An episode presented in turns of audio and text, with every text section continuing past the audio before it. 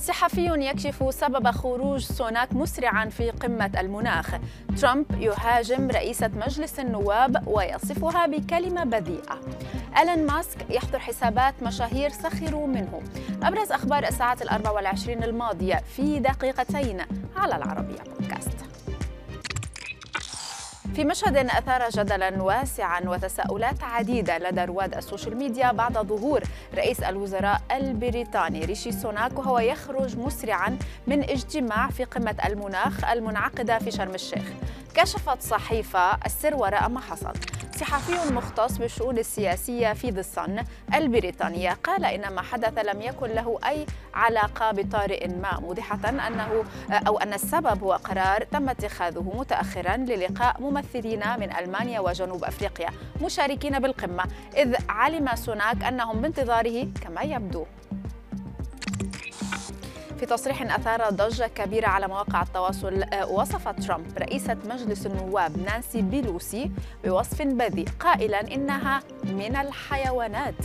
وذلك ضمن مسلسل الانتقادات اللاذعة بينهما. وخلال تعليقه على حادثة آه، آه، ضلع أو حادثة ضلع بها أحد رجال العصابات في أمريكا قال الرئيس الأمريكي السابق لقد ضربه على رأسه بعصا بيسبول وطعنه 32 بشكل وحشي. لقد كان حيوانا مضيفا أن بيلوسي قالت أرجوك لا تصفهم بالحيوانات فهم بشر. فقلت لا هم حيوانات لأني أعتقد أنها من الحيوانات كذلك على حد وصفه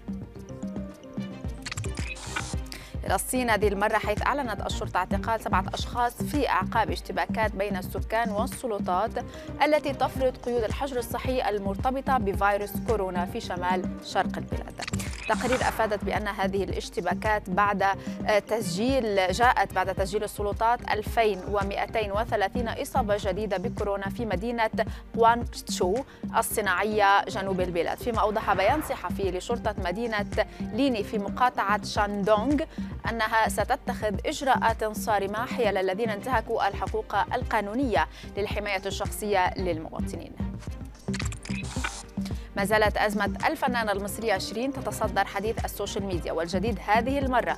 هو أن محاميها ياسر قنطوش كشف عن تعرضها للضرب والسحل على يد شقيقها. وذلك من خلال بيان نشره عبر حسابه في فيسبوك.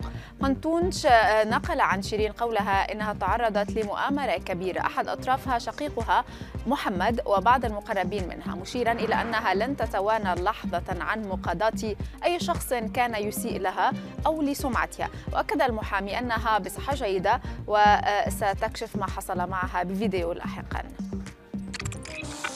في خبرنا الأخير حضرت شركة تويتر عددا من الحسابات الموثقة والتي استبدل أصحابها أسماءهم بألين ماسك في خطوة تنطوي على سخرية من مالك المنصة الاجتماعية الجديدة تقارير أفادت بأن من بين أصحاب هذه الحسابات الممثلة كيتي جريفن التي يتابع صفحتها في تويتر مليونا مستخدم مشيرة إلى أنها لم تكتفي باستبدال اسم حسابها بإيلون ماسك بل استبدلت صورة الحساب الرئيسية بصورة الملياردير فيما غرد الأخير قائلا إن الحسابات التي تنتحل شخصية شخص ما دون أن تذكر بوضوح أن خطوتها تنطوي على فكاهة سيجري حظرها بشكل دائم.